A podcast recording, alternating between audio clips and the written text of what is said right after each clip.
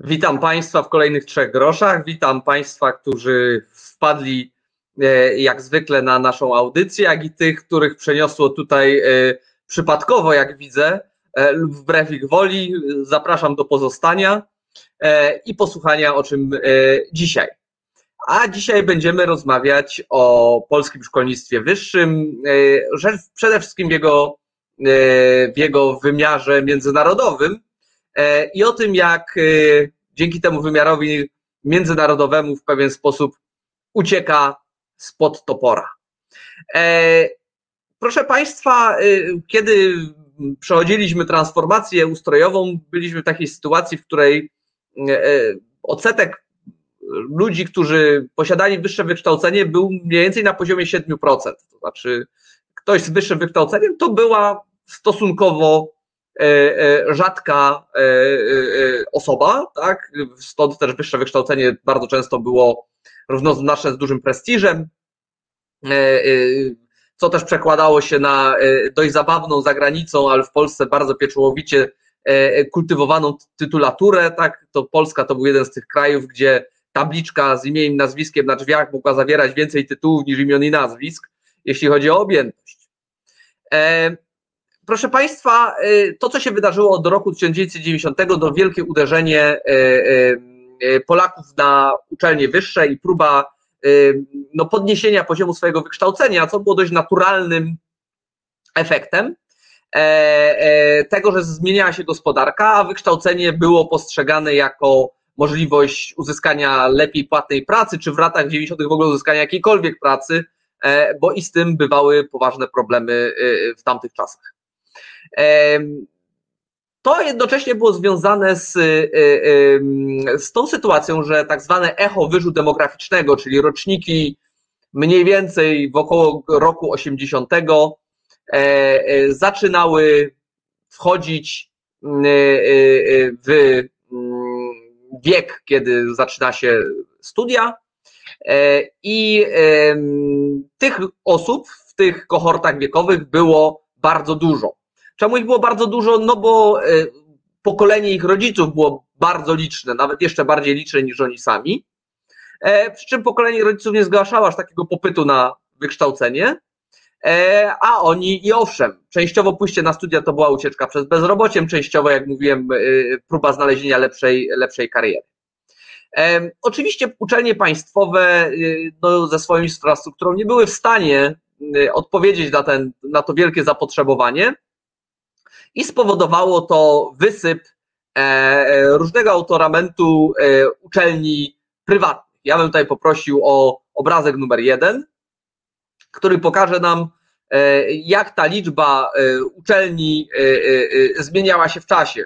Już od roku 1990, gdzie nie było ich tak mało, widzimy tutaj od, od roku 2000 dynamiczny wzrost liczby tych uczelni, zarówno E, zarówno w, mm, w e, centrach akademickich, jak i poza nimi. Tak? Uczelnie e, wyższe powstawały w dużo mniejszych ośrodkach, tam gdzie nie było żadnych uniwersytetów wcześniej ani szkół i tam obsługiwały te swoje mniejsze, lokalne rynki, pojawiały się wydziały zamiejscowe większych uczelni w miejscowościach zupełnie małych.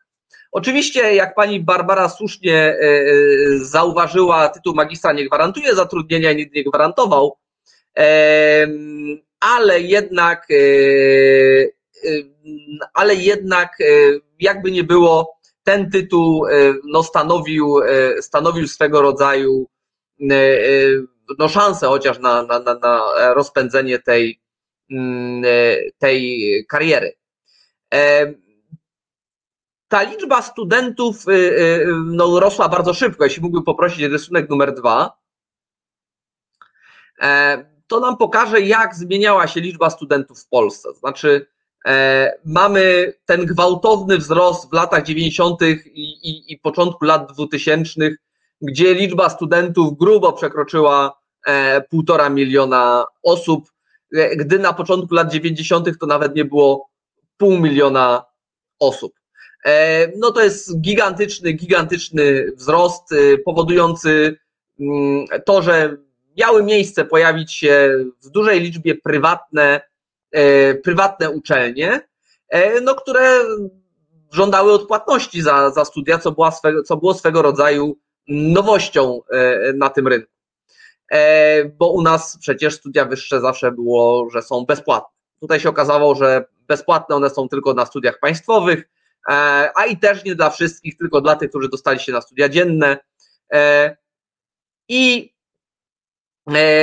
dało to w efekcie e, dość ciekawą sytuację, którą możemy zobaczyć na obrazku 3,5.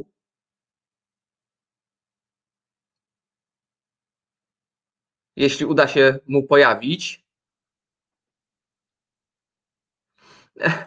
Który pokaże, pokazuje nam, e, jak wyższe wykształcenie przenosiło się też na, jak się przenosiło też na prace wykonywane przez te osoby. To znaczy, procent osób z wyższym wykształceniem rósł bardzo dynamicznie, tak jak widzimy, z 20% do ponad 30%. Natomiast bardzo często te osoby pracowały dużo poniżej swojego wykształcenia, czyli wykonywały prace bardzo proste, do których ten tytuł i te umiejętności, które pozyskali, może nie były aż tak mm, istotne. E, to jest y, temat na właściwie zupełnie osobną dyskusję i osobny program, który może kiedyś zrobimy, to znaczy jeśli chodzi o jakość kształcenia wyższego w Polsce. O tym, e, e, jak tym wzrostem liczby uczelni zarządzano, czy te kierunki, które się pojawiały, to były te kierunki, które nam były koniecznie potrzebne, czy akurat tylu nam było potrzebne menadżerów i ludzi zajmujących się marketingiem. Mm, to jest oczywiście otwarte pytanie, na które możemy sobie wyobrazić, jaka jest odpowiedź. No ale jednak co się wydarzyło, to się wydarzyło, a jednak wyższy poziom wykształcenia jednak powinien przekładać się na, e, na pewien poziom spójności społecznej, tego jak to społeczeństwo e, funkcjonuje. No oczywiście dzisiaj patrząc na to, co się dzieje, no jeśli chodzi o kwestię pandemii, E, no to możemy powiedzieć, że to wykształcenie niekoniecznie się wielu przysłużyło w tym, żeby odpowiednio traktować różne teorie spiskowe czy różnego innego rodzaju e, tego typu efekty. E, natomiast no, liczmy na to, że ta edukacja, jej jakość się poprawia i ruchów antyszczepionkowych i płaskoziemczych będziemy mieli z czasem do, coraz mniej. Natomiast wracając do obrazka numer dwa, to co jest istotne, e, e, jeśli mógłbym poprosić jeszcze raz obrazek numer dwa, e, to kwestia związana z tym, jak będąc na tej, na tej górce w, w latach dwutysięcznych, no ta liczba studentów zaczęła gwałtownie spadać. Dlaczego zaczęła gwałtownie spadać? Ano dlatego, że ko, ko, kolejne kohorty demograficzne, czyli kolejne roczniki były coraz mniejsze a w tym, jak się kurczyły, y, no generalnie mniej było osób chętnych na studia i y, mniej studentów. To stanowiło i stanowi właściwie nadal y, wielki problem, wielki problem dla tych powstałych uczelni, tych kilkuset powstałych prywatnych uczelni, bo źródło przychodów dla nich zaczyna wysychać. To znaczy, łatwiej dostać się na studia dzienne,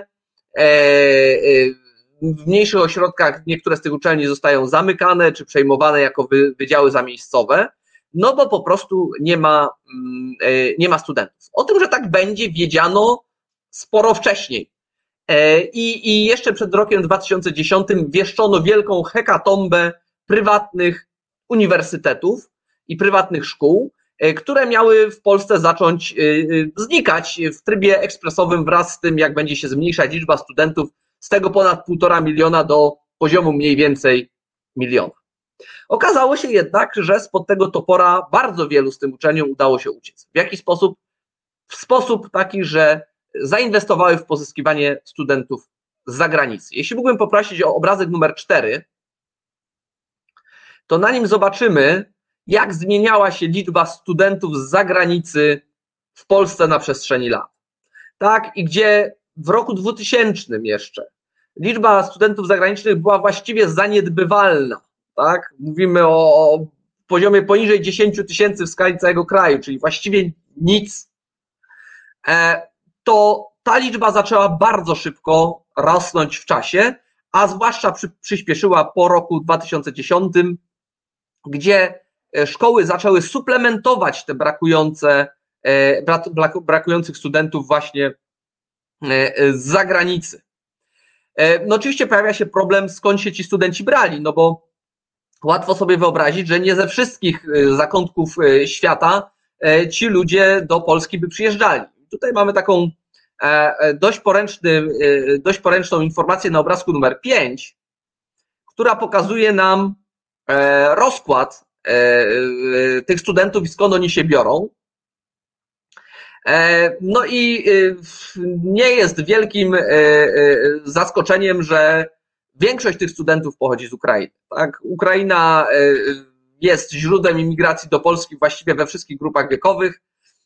Dla studentów stanowi często miejsce, znaczy dla, dla młodych ludzi uczelnia stanowi miejsce zaczepienia w, w, w gospodarce, stanowi miejsce za, zaczepienia w, w społeczeństwie. Może mogą tutaj zbudować jakieś, jakieś relacje, które później mogą im pomóc w wystartowaniu ich własnej, w ich własnej kariery no i nawet czasem osiedlenia się tutaj.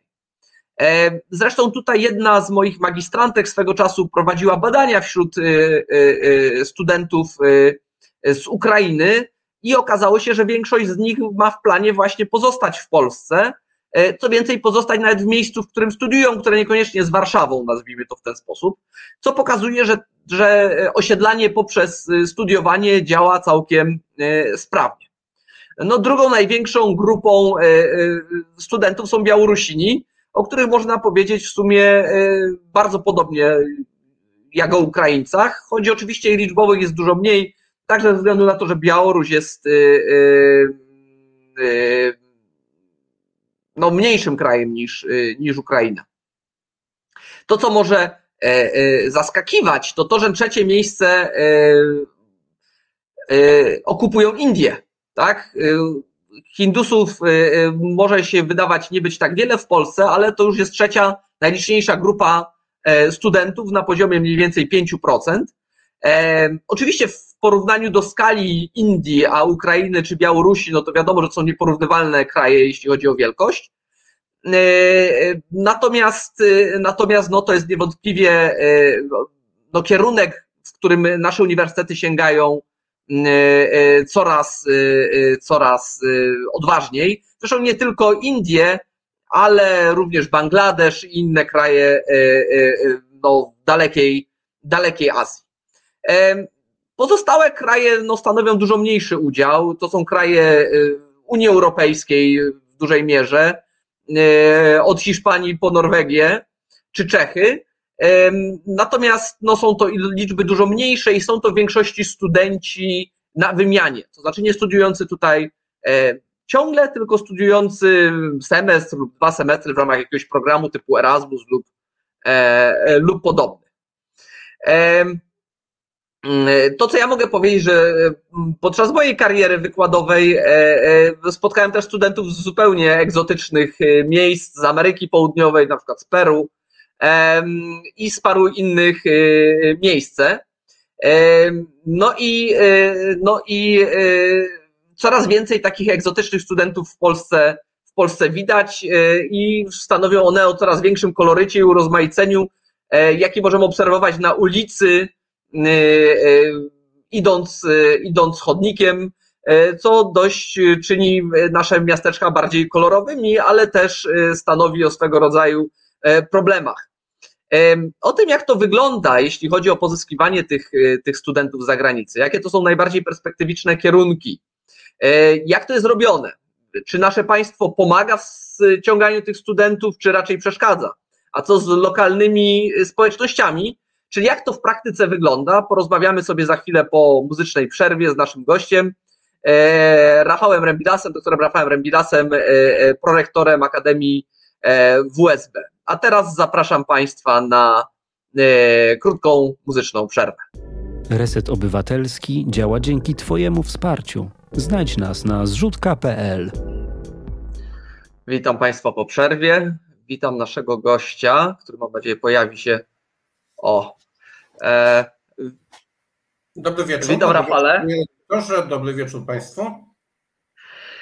Zacznę od pytania takiego, w którym momencie przyszła e, taka świadomość, że trzeba coś zrobić e, w zakresie pozyskiwania studentów spoza kraju, jeśli się chce przetrwać? To znaczy, kiedy nastąpiło prze, takie przeformatowanie myślenia w uczelniach na temat tego, na temat rekrutacji po prostu, że trzeba się otworzyć?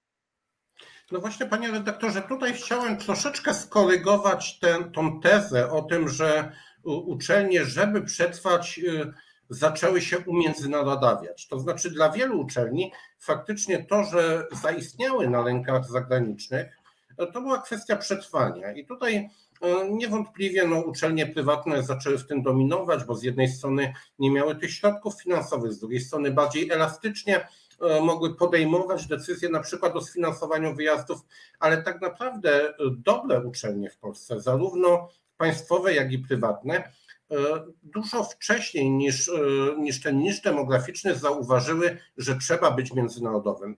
Bo umiędzynarodowienie to jest prestiż, umiędzynarodowienie to jest możliwość pozyskania no, studentów o większym potencjale, również e, studentów z innych krajów o dużym potencjale. Także tutaj różnie to było w różnych uczelniach. Niewątpliwie taki skok na studentów zagranicznych nastąpił no, po roku 2015-16, gdzie większość uczelni zaczęła już rekrutować. Ale jeżeli spojrzymy na uczelnie czołowe w kraju, również myślę Akademia WSB w zakresie międzynarodowienia do niej należy, to to, to to międzynarodowienie przejawiało się już dużo wcześniej we wspólnych badaniach naukowych, w różnego rodzaju programach wymiany młodzieży, na pewno pozyskiwania studentów, ale również na przykład absolwowania z zagranicy naukowców, tak? bo przecież to również stanowi o umiędzynarodowieniu. Dzisiaj kluczowe mm, uczelnie nie tylko koncentrują się na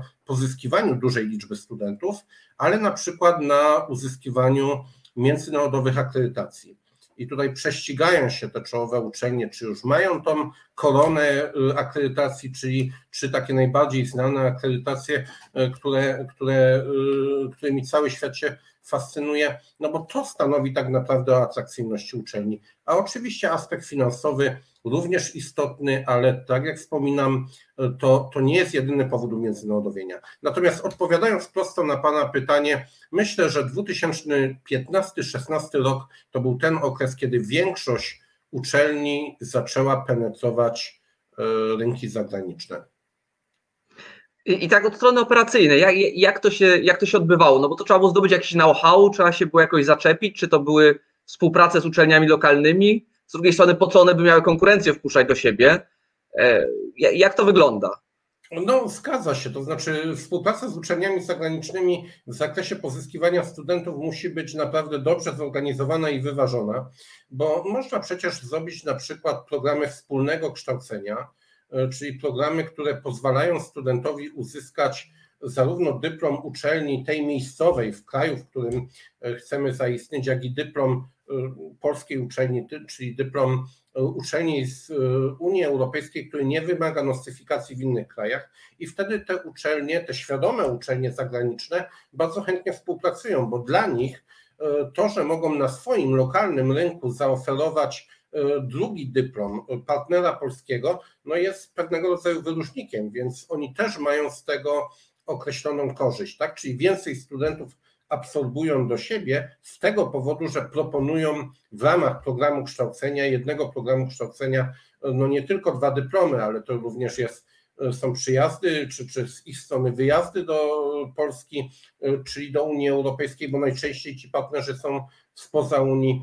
To jest kwestia pewnych doświadczeń międzykulturowych, Także szereg, to jest kwestia również wymiany potem akademickiej pracowników dydaktycznych, pracowników naukowych, tak się tutaj to rozwija. Czyli z jednej strony uczelnie e, te zagraniczne chcą współpracować, jeżeli tworzymy programy e, wspólnego kształcenia. To są różnego rodzaju programy. To może być franszyza, to może być e, tak zwany podwójny dyplom, to są w końcu te najbardziej rozwinięte programy wspólnego kształcenia, gdzie studenci studiują powiedzmy dwa lata w jednym kraju, dwa lata w drugim, mogą być i trzy kraje. Natomiast jeśli chodzi o pozyskiwanie studentów takich, którzy stacjonarnie przyjeżdżają do Polski, no to to się dzieje różnymi torami. Pierwotnie y, uczelnie polskie zaczęły przede wszystkim nawiązywać współpracę y, z różnego rodzaju pośrednikami. No i tutaj bardzo istotne jest to, jakie, jaką strategię przyjęła dana uczelnia, bo jeżeli był to pośrednik, który no, wyłapywał niemalże każdego, kto chciał się mm, uczyć, a może niekoniecznie uczyć, może również pracować, tak? W Unii Europejskiej, no to bardzo źle, bo, bo jakość tych studentów była słaba. Ale z czasem na rynku pojawiły się, czy, czy, czy też może inaczej, one już funkcjonowały na tamtych rynkach, ale y, polskie uczelnie dostrzegły, że są duże mm, firmy rekrutacyjno-oświatowe, duże centra, tak bym je nazwał, które y, uczą języka, przygotowują do egzaminów językowych międzynarodowych i które mają y, tak naprawdę kontakty z uczelniami na całym świecie. I w zależności od zasobności portfela i potencjału danego kandydata na studiach, one są w stanie ukierunkować y, geograficznie y, danego kandydata, tak? Czyli są uczelnie, które dla tych no, najbardziej bogatych oferują studia w Stanach Zjednoczonych, w Wielkiej Brytanii, dla tych o mniej zasobnym portfelu w Niemczech, no jeszcze mniej na przykład w Polsce, tak? Więc to jest na pewno jedno ze źródeł. Natomiast czasem, gdy już na tym rynku zaistnieliśmy, tu mówię o doświadczeniach Akademii WSB, my sami zaczęliśmy realizować tam i spotkania ze studentami, i wynajmowaliśmy hotele, robiliśmy e, takiego różnego rodzaju dni. Teraz w okresie pandemii Virtual Day, czyli wirtualne dni otwarte, Virtual Open Day, gdzie studenci mogą zwiedzać nasz uniwersytet, mogą y, poznawać naszych wykładowców, autorytety, które są z nami związane, gdzie mogą dowiedzieć się bardzo wiele, jak wygląda kształcenie życia w Polsce. No i w końcu też trzeba to oddać, że w okresie ostatnich kilku lat bardzo aktywnie zaczęła wspomagać polskie uczelnie Narodowa Agencja Wymiany Akademickiej NAWA poprzez y, zapewnienie udziału polskich uczelni w różnego rodzaju targach edukacyjnych, które porozrzucane są na całym świecie. Więc z tego też y, uczelnie korzystały. Kto skorzystał najbardziej? No uczelnie prywatne. Uczelnie prywatne z tych powodów, o których mówiłem, bardziej elastyczne, bardziej nastawione na y, na, na, na, efekt tak naprawdę, nie na udział, a na efekt w postaci określonej liczby studentów, no bo przecież te uczelnie prywatne w dużej mierze żyją z tego, ilu tych studentów pozyskają. E, uczelnie państwowe no, mają zapewnione zawsze określone limity i nie muszą aż tak bardzo starać się i walczyć o tego studenta zagranicznego, który przecież dla nich też byłby źródłem dodatkowych dochodów, bo jak wiemy, no to niezależnie czy student trafia na studia stacjonarne, czy na niestacjonarne, jeżeli to jest obcokrajowiec, no to w uczelniach państwowych yy, płaci a jest jeszcze druga strona, tak? No bo jedna rzecz to jest pozyskanie studenta, a druga strona to jest e, to, że no, konieczne było zbudowanie kompetencji do tego, żeby tego studenta obsłużyć.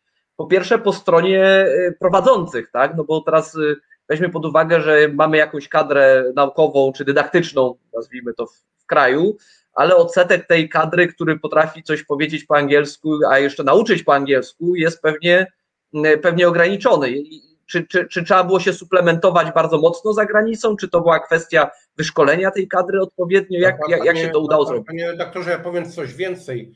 E, nie tylko kadry dydaktycznej, ja za chwileczkę odpowiem na to pytanie, ale tak naprawdę, tak patrząc od samego początku całości obsługi studenta, przecież jeżeli przyjeżdża do nas student z Azji Środkowej, z Kaukazu, to dla, jest to jego pierwszy pobyt w Europie. No to dla niego wszystko jest tutaj inne, dziwne i trudne. Czyli na początku trzeba zapewnić odpowiednią kadrę, która przyjmie tego studenta, która pomoże mu w zakwaterowaniu, która otworzy mu rachunek bankowy, która zapewni mu i sprawdzi, czy jest on właściwie ubezpieczony, nawiąże kontakt y, z przychodnią zdrowia, czyli to wszystko już na samym początku trzeba zapewnić studentowi. Oczywiście organizacja programu kształcenia to jest kolejna rzecz. I tutaj mm, tak, jest problem cały czas w Polsce ze znalezieniem odpowiedniej kadry akademickiej, e, która biegle włada językiem angielskim. No oczywiście są osoby, e, są osoby, które mm, no naturalnie potrafią prowadzić zajęcia, wykłady w tym języku Polacy, natomiast posiłkujemy się w dużej mierze student, naukowcami czy tam pracownikami dydaktyczno-naukowymi z zagranicy. I teraz to, co chciałem powiedzieć, czy odnieść się do pandemii. Wbrew pozorom ten okres pandemiczny dla uczelni, które zauważyły w nim szansę, a nie zagrożenie, nie był taki zły. Dlaczego? Dlatego, że była możliwość realizacji zajęć zdalnie, przez to była większa możliwość pozyskania wykładowców, którzy na przykład mieszkają na co dzień w Stanach Zjednoczonych, w Wielkiej Brytanii, którzy na co dzień raczej by tutaj nie przyjechali, a gdyby przyjechali, byliby bardzo kosztowni, bo trzeba e, byłoby opłacić samolot, e, pobyt, miejsce tutaj, a tak mogli łączyć się zdalnie i, i, i nawet zakładając, że to wynagrodzenie ich było zdecydowanie wyższe niż Polaków, no to i tak e, było to sensowne, aby takie osoby przyjąć. I to spowodowało też istotne podniesienie jakości kształcenia. No, uwzględniając oczywiście ten fakt, że e, kształcenie zdalne, zwłaszcza w tym pierwszym okresie, no nie przygotowywało aż tak dobrze jak, jak kształcenie w kontakcie. Ale miejmy też na uwadze, że e, kształcenie zdalne w niektórych krajach, takich na przykład jak, e, jak Szwecja, jak Norwegia, ono było bardzo dobrze rozwinięte już przed pandemią, więc można było również korzystać z tych doświadczeń na etapie, kiedy my wdrażaliśmy na masową skalę kształcenie Y, online. Nie, nie, nie, ukrywam, że jako y, moje doświadczenia z kształceniem zdalnym są dość, bym powiedział, urozmaicone w kierunku negatywnym, bo to ma dość dużo wyzwań bardzo trudnych jako takich. E, jest tu moja duża obawa, że, że uczelniom się bardzo spodobało to nauczanie zdalne i będą się go trzymać, e, e, co jednak będzie miało chyba przełożenie na jakość tej, te, tego kształcenia przynajmniej w pewnym zakresie, bo to trochę jak z pracą zdalną, to znaczy część pracy zdalnej jest w porządku, tak nie wiem, 3 do 2 albo 2 do 3 dni, natomiast 100% pracy zdalnej kończy się zazwyczaj kiepsko. No ale też proszę zwrócić uwagę, że na przykład nasza uczelnia raczej proponuje hybrydowy, hybrydowy tryb studiowania, tak? czyli przedmioty, które są praktyczne albo kierunki takie jak kierunki medyczne, fizjoterapia, kosmetologia, czy tam znał go zdrowiu, no tutaj dominują zajęcia jednak w kontakcie w małych grupach przy zachowaniu reżimu sanitarnego.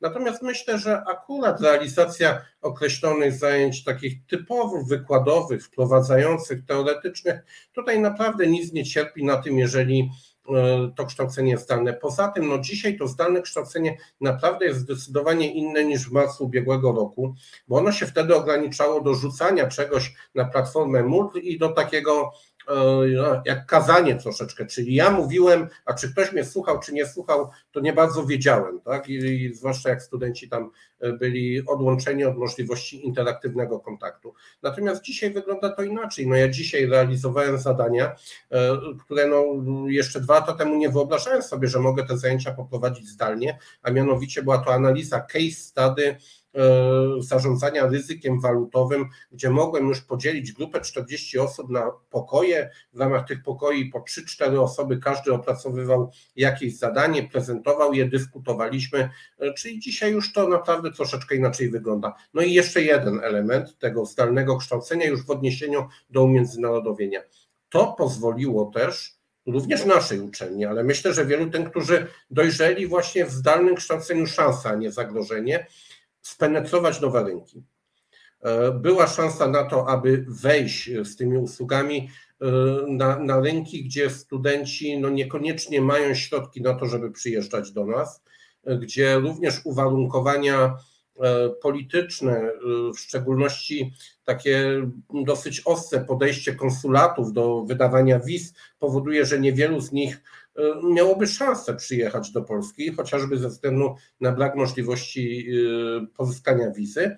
No, dzisiaj są studentami Akademii WSB, są studentami polskiej uczelni. Myślę tu głównie o Afryce Środkowej, tak? bo, bo to był taki region, który był mało reprezentowany, a dzisiaj no, coraz częściej tych studentów e, z Afryki Środkowej i Afryki Północnej mamy. Natomiast jeszcze wracając troszeczkę do tych statystyk, to co w ostatnim roku się bardzo pojawiło, tak liczebnie zauważalne, to bardzo duży udział, czy, czy wzrost, dynamiczny wzrost udziału studentów z Azji Środkowej i z Azerbejdżanu. Uzbekistan, Kazachstan, również Kirgizja, Azerbejdżan, no to są te destynacje, które chyba są w tej chwili najbardziej rozwojowe. Czyli e, e, biorąc pod uwagę, że Ukraińcy nas zdominowali od pewnego czasu, wygląda na to, że tego urozmaicenia ma być więcej.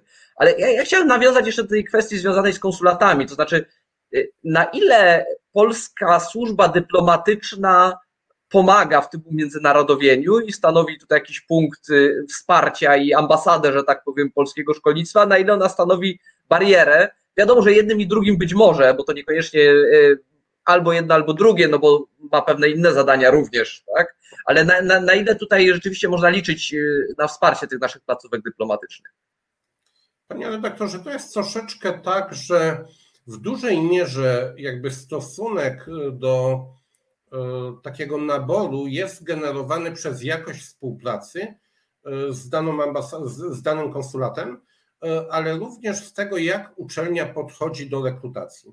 No bo jeżeli uczelnia podchodzi do rekrutacji w taki sposób, że biorę każdego, kto się zapisze i nie zwracam uwagi tak naprawdę, jaka jest motywacja tych osób, czy oni na pewno chcą studiować, czy przypadkiem nie chcą tu przyjechać, no miejmy świadomość tego, że zdecydowanie taniej jest opłacić rok studiów, niż zapłacić przemytnikowi za przewóz przez Morze Śródziemne, tak, albo inną drogą przez Białoruś, tak.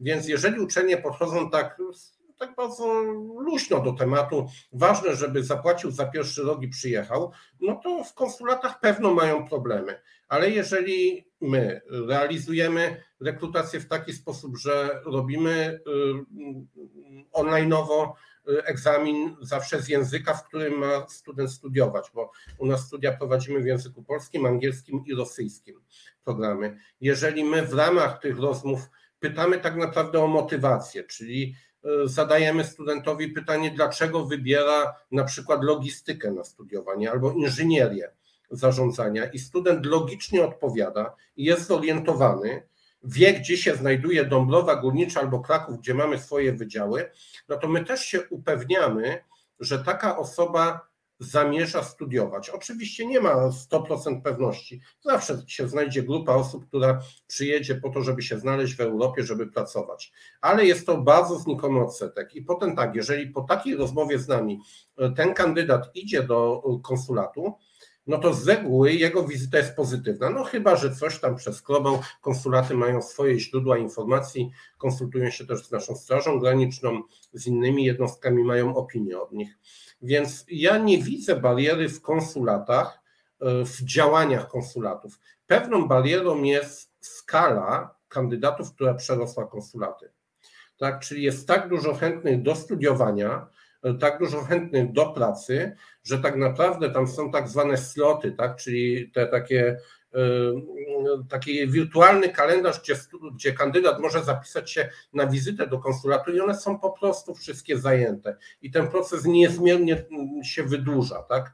No, jest to nie tyle podejście konsulatu złe, no tylko niewystarczające ilościowo służby, które byłyby w stanie rozpatrzyć y, no, tak dużą ilość chętnych.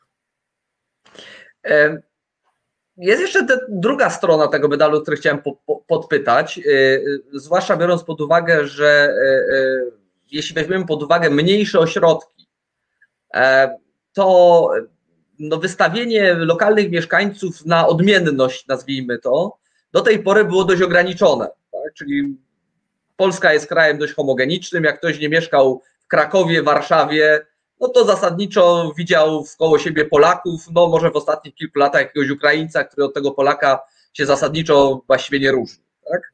No i teraz jest taka uczelnia lokalna i w tej uczelni lokalnej nagle znaczący odsetek studentów zaczynają y, y, stanowić studenci o innych kolorach skóry, wyznaniach, zwyczajach, ubiorach. Jaka, jaka jest reakcja lokalnej społeczności na tą różnorodność, która się pojawia. i tu mam na myśli nie tylko, nie wiem, rzeczy oficjalne i to, jak się prezydent cieszy z tego, że mamy teraz więcej mieszkańców w mieście, tylko również no, mieszkańców naokoło, takich szeregowych nazwijmy to. Czy, to, czy daje się odczuć tutaj jakiś problem? Rozumiem, że tutaj bezpośrednio Pan pyta o Dąbrowę Górniczą, Akademię WSB, która tutaj jest. Ja powiem tak, ja myślę, że bardzo dobrze stało się, że pierwszy masowy napływ osób z zagranicy to były osoby z Ukrainy zarówno studenci, jak i pracownicy, bo oni są jednak no, mimo wszystko zbliżeni kulturowo, oni troszeczkę ten polski już rozumieli, znali, potrafili się dogadać i no, nie było to dla mieszkańców aż takim szokiem, jak pojawienie się osób z Azji Środkowej, z Chin, czy, czy z Kaukazu, czy później z Afryki. Ja nie widzę jakichś incydentów, to znaczy nie zdarzają się, może inaczej, zdarzają się incydenty niezwykle rzadko na tle e, rasowym. E, nie widzę jakiegoś też e, obecnie blokowania tych osób, to znaczy większość naszych, naszych studentów mieszka, co interesujące, nie w akademikach, tylko w prywatnych mieszkaniach wynajmowanych. No to to najlepsze, najlepiej świadczy o tym, że E, o tym, że e, no gdzieś chyba nastąpiło już takie przełamanie się e, lokalnych mieszkańców do tej społeczności. Zwróćmy poza tym uwagę, że, że ta społeczność, no, w Akademii WSB studiuje ponad 2300 obcokrajowców, to są potencjalni konsumenci, tak, którzy wydają tutaj pieniądze, zostawiają, no oni tutaj żyją, więc korzystają z usług, chodzą do kina, Y, kupują, robią codziennie zakupy, więc y, no gdzieś z czasem też zauważono korzyści z tego, że osoby się pojawiły. No, Dąbrowa Górnicza jest pod kilkoma względami specyficzna. Po pierwsze, y, jak mm, pan się orientuje, kiedyś powstała tutaj Huta Katowice stosunkowo niedawno, gdzie też dużo tej napływowej ludności była. Potem, jak Huta Katowice zmniejszała zatrudnienie, jak kopalnie były zamykane, wokół Dąbrowy Górniczej również no, pozostało troszeczkę takich, można powiedzieć, pustostanów, którą świetnie zagospodarowali teraz nasi studenci. Dzisiaj Dąbrowa Górnicza na mapie Polski nie jest znana z Huty Katowice, tylko z Akademii WSB. Natomiast tu jeszcze jedno pytanie się rodzi, jakim cudem do Dąbrowy Górniczej trafiają studenci z Kazachstanu, Uzbekistanu, e, z innych miejsc? No, to jest kwestia z jednej strony e, aktywności naszej, również mojej na tamtych rynkach, to jest kwestia widoczności nas w lokalnych e, mediach społecznościowych, nie tylko Facebook, nie tylko, e, nie tylko mm, te, które u nas są popularne, tak? Ale na przykład taki Telegram jest bardzo popularny w krajach byłego Związku Radzieckiego, my tam jesteśmy. Ale też można prezentować Dąbrowę Górniczą w taki sposób no jesteśmy położeni na przecięciu dwóch autostrad, blisko dwóch lotnisk i no nie ma nic lepszego jak żyć i uczyć się w Dąbrowie Górniczej, pracować w Katowicach, a bawić się w Krakowie. Brzmi zachęcająco. No, brzmi e, e... zachęcająco. Życie tańsze, studia też. Kraków blisko, więc nie tracimy życia studenckiego, a aglomeracja, y, metropolia Śląska jest bardzo dobrym miejscem pracy, tak? E, e, swoją drogą podejrzewam, że na wielu z tych rynkach trzeba wytłumaczyć, co to Kraków chociażby, tak? Już nie, nie mówiąc no, o tym. Kraków i Warszawę znają. Umówmy się, że znają Warszawę, znają Kraków. E, no to... Czy to jest Poznań, czy Dąbrowa Górnicza, naprawdę nie ma znaczenia, bo i tak nie znają. To jeszcze mam pytanie, jeśli to nie tajemnica oczywiście handlowa, to znaczy żeby nie stać w miejscu, trzeba się rozwijać i, i podejrzewam, że jakieś ko, kolejne kierunki są wyznaczone, żeby z nich pozyskiwać. Znaczy, jakie kierunki, jakie kraje są teraz postrzegane jako najbardziej perspektywiczne w, nie, że teraz stamtąd mamy najwięcej, czy teraz tam najwięcej robimy, ale przymierzamy się do tego, żeby tam uderzyć, czyli skąd możemy się spodziewać kolejnych studentów? To znaczy ja, bo pan, pan, pan redaktor jeszcze nie dysponował najnowszym raportem, jaki się ukazał e, ranking, e, raportem perspektyw odnośnie międzynarodowienia polskiej uczelni. On się pojawił, on się jeszcze nie pojawił, on się pojawi dopiero no, z racji tego, że uczelnia uczestniczy w tym rankingowaniu. My dostaliśmy już takie wstępne informacje, więc w tej chwili to, co się w ciągu ostatniego roku najbardziej rozwinęło, to no, Białoruś z wiadomych względów, te problemy polityczne, które tam były, ale dynamicznie rozwija się, rozwijają się dalej Indie, Turcja, Azja Środkowa i rozwija się Azerbejdżan. I my w tej Azji Środkowej, Azerbejdżanie już byliśmy, więc tam umacniamy swoją pozycję. To, gdzie mm, chcemy zaistnieć i na pewno jest tam dużo większy potencjał niż obecnie liczba studentów, to Turcja. Turcja, tak. Dzisiaj Turków w Polsce jest około 2000 studentów tureckich, tak? I oni jeszcze do tego koncentrują się w głównej mierze w jednej z uczelni prywatnych, która ma kapitał turecki, to znaczy właścicielami są e, Turcy, e, ale również myślę, że takim perspektywicznym rynkiem dla nas powinny być Chiny. Chińczyków bardzo dużo studiuje w Europie. No nie wiedzieć, czemu do tej pory w Polsce jest ich niewiele, jest ich tam troszkę ponad 1500, co jak na tak liczny kraj to, to jest naprawdę niewiele. No i pozostaje pytanie o tą Afrykę. No my, my dosyć aktywni jesteśmy w Afryce tej północnej, Maroko, Tunezja, e, Algieria i w ostatnim okresie również e,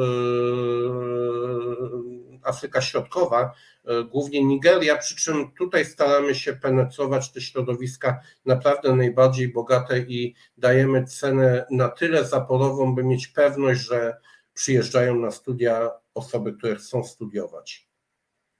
No bo tutaj cały czas, panie redaktorze, jest ten jeden dylemat, jeżeli rekrutujemy w tych krajach. Czy my pozyskujemy studentów, czy my pozyskujemy migrantów. I musimy wszystko zrobić y, ku temu, żeby to byli studenci. Mamy system dwa dni pracujesz, trzy dni studiujesz, czyli możemy im zaoferować pracę na pół etatu, a kolejne trzy dni y, uczą się na uczelni. Niemniej jednak naszym celem jest pozyskiwanie studentów, a nie umożliwienie drogi do Europy.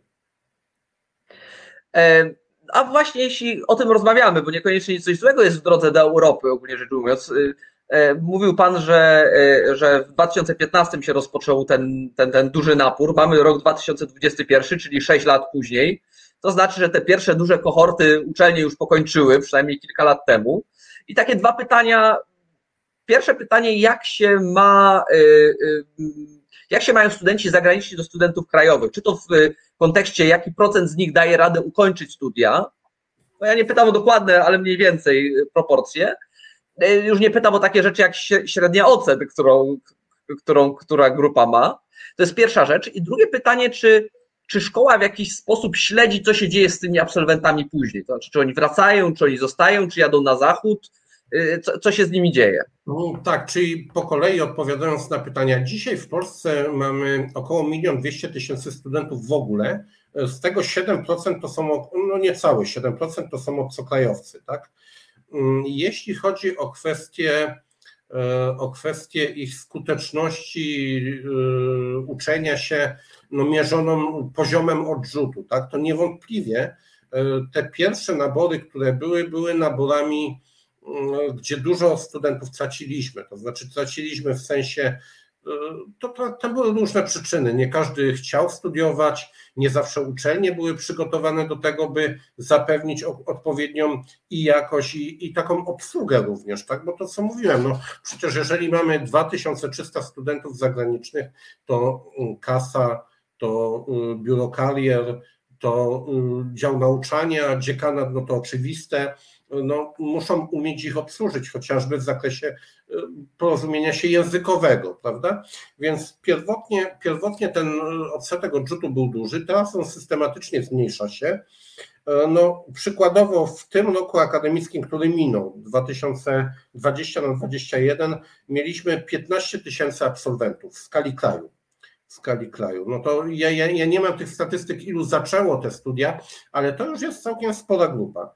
Co, co ciekawe, jeszcze z tych 15 tysięcy absolwentów 50%, 55% to kobiety, czyli tak ładnie rozłożone, y, co o tyle jest zastanawiające, że moim zdaniem, ale tutaj no, nie mam statystyk, y, wydaje się, że więcej na etapie rekrutacji mamy mężczyzn. Tak zdecydowanie więcej, ale to może być uwarunkowane tym, że my w takich krajach y, rekrutujemy, gdzie jednak no, rola kobiety jest jeszcze troszeczkę inna, gdzie nie ma tego pełnego takiego równouprawnienia czy parytetu. No, w Azji Środkowej, w Azerbejdżanie, no jednak widać to, że, że, że, że to ten mężczyzna jest dominujący, on e, studiuje, uczy się, rozwija, kobieta ma nieco inne zadania, ale właśnie i tutaj też jest e, no, doskonałym doskonałą rzeczą, że y, te kobiety w mniejszej, co prawda, zakresie, ale przyjeżdżają do Polski, y, nie tylko się tu uczą, ale widzą inną kulturę, widzą inne podejście do kobiet. No, mm, potem są takimi ambasadorami, tak? Y, tego wszystkiego, co tutaj się dzieje we własnych krajach, często są też ambasadorami uczelni polskich i zachęcają do przyjazdu do Polski innych osób. Czyli, czyli jeśli chodzi o tą jakość kształcenia, to ja myślę tak, początkowo była słabsza, myślę, że ona systematycznie rośnie i myślę, że w tej chwili czołowe polskie uczelnie są już na takim etapie, gdzie nie tyle będą dbały o ilość kandydatów, a o jakość kandydatów. O, o, o potencjał tych, których y, biorą na studia, który to potencjał będzie wyrażał się y, również no, jakością studenta później. E, a, a, drugie pytanie, czy, czy, czy są jakieś badania, czy, e, czy nie wiem, związki e, no, alumnów szkoły, które. Każda, każda uczelnia śledzi losy absolwentów, nie tylko obcokrajowców, ale polskich. To też jest jedno z kryterium w wielu rankingach. I no, jeśli chodzi tutaj o, o naszą uczelnię, to zauważyliśmy, że jeśli chodzi o Ukraińców, to zdecydowana większość pozostaje tutaj. To najpierw studiują na pierwszym stopniu, potem drugą. Często tutaj rodziny y, zawiązują, y, często sprowadzają rodziny, jeżeli gdzieś tam w Ukrainie mieli y, i starają się tutaj dostać pracę. No zresztą wiemy, jak wielu Ukraińców zatrudnionych jest w Polsce, podobnie Białorusinów. Natomiast osobami, które są z bardziej odległych destynacji, oni rzadziej w Polsce zostają. To znaczy oni albo wyjeżdżają dalej na zachód, albo wracają do siebie. E, rzeczywiście, e, biorąc pod uwagę sytuację Polski demograficzną i deficyt pracowników, taki import, import osób poprzez uczelnie wydaje się być chyba jedną z najlepszych rzeczy, jakie byśmy sobie mogli życzyć. Tak? Bo Mamy osoby zmotywowane, y, otwarte, y, chcące się kształcić i, i, i właściwie tutaj y, no, możemy sami sobie w dużej mierze próbować rozwiązać duży problem, który w naszym kraju w coraz większym natężeniu się pojawia, dlatego... Wysoce... panie redaktorze, kiedyś, jak jeszcze byłem dziekanem, nie odpowiadając za zagraniczny e, obszar, to ja prosiłem się przedsiębiorstwa, żeby przyjęły mi kogoś na praktykę. Dzisiaj przedsiębiorstwa dzwonią do mnie, czy nie mam tam jakichś obcokrajowców, którzy by mogli na praktykę przyjść. Tak, na praktykę z tym zamiarem, że potem zostanie pracownikiem i tutaj jest wbrew pozorom też pewne zagrożenie dla uczelni, dlatego że jeżeli ten nasz student aktywny idzie do tej pracy, e, pracuje na pół etatu, on bardzo szybko chciałby na cały etat zacząć pracować, tak? No i wtedy jest konflikt pomiędzy nauczaniem a pracą, tak? E, no taki, taki dosyć ewidentny. A trzeba powiedzieć o jeszcze jednej rzeczy, która znakomicie ułatwia pracę studentom, mianowicie osoby, które mają wizę studencką, nie potrzebują wizy o pracę, czyli one mogą na cały etat przez cały rok być zatrudnione bez konieczności ubiegania się o zgodę. E, ja, ja bardzo trzymam kciuki za polskie uczelnie, e, bo były już takie czasy, że e, najlepszymi ambasadorami Polski na świecie to byli absolwenci polskich uczelni. I w bardzo wielu miejscach można się natknąć na, na, na ludzi, którzy mówią o Polsce bardzo ciepło, właśnie dlatego, że oni, albo ich ojciec, albo ich dziadek, albo ktoś jeszcze inny właśnie w Polsce skończył studia i miał z tego miejsca bardzo dobre wspomnienia. I my również z takimi współpracujemy i oni dla nas rekrutują studentów, ci, którzy byli kiedyś absolwentami polskich uczelni. Także trzymam kciuki. Ja bardzo dziękuję za dzisiejszą rozmowę. Dobiegliśmy do, do, do końca. Dziękuję bardzo, dziękuję Państwu. Panie redaktorze, jestem zawsze do dyspozycji, zwłaszcza na te tematy, które, które, które po prostu zajmuję się nimi, które kocham, jak umiędzynarodowienie polskiej uczelni. E, dziękuję panu, e, dziękuję państwu i zapraszam już za tydzień e, na kolejne trzy grosze. Do zobaczenia.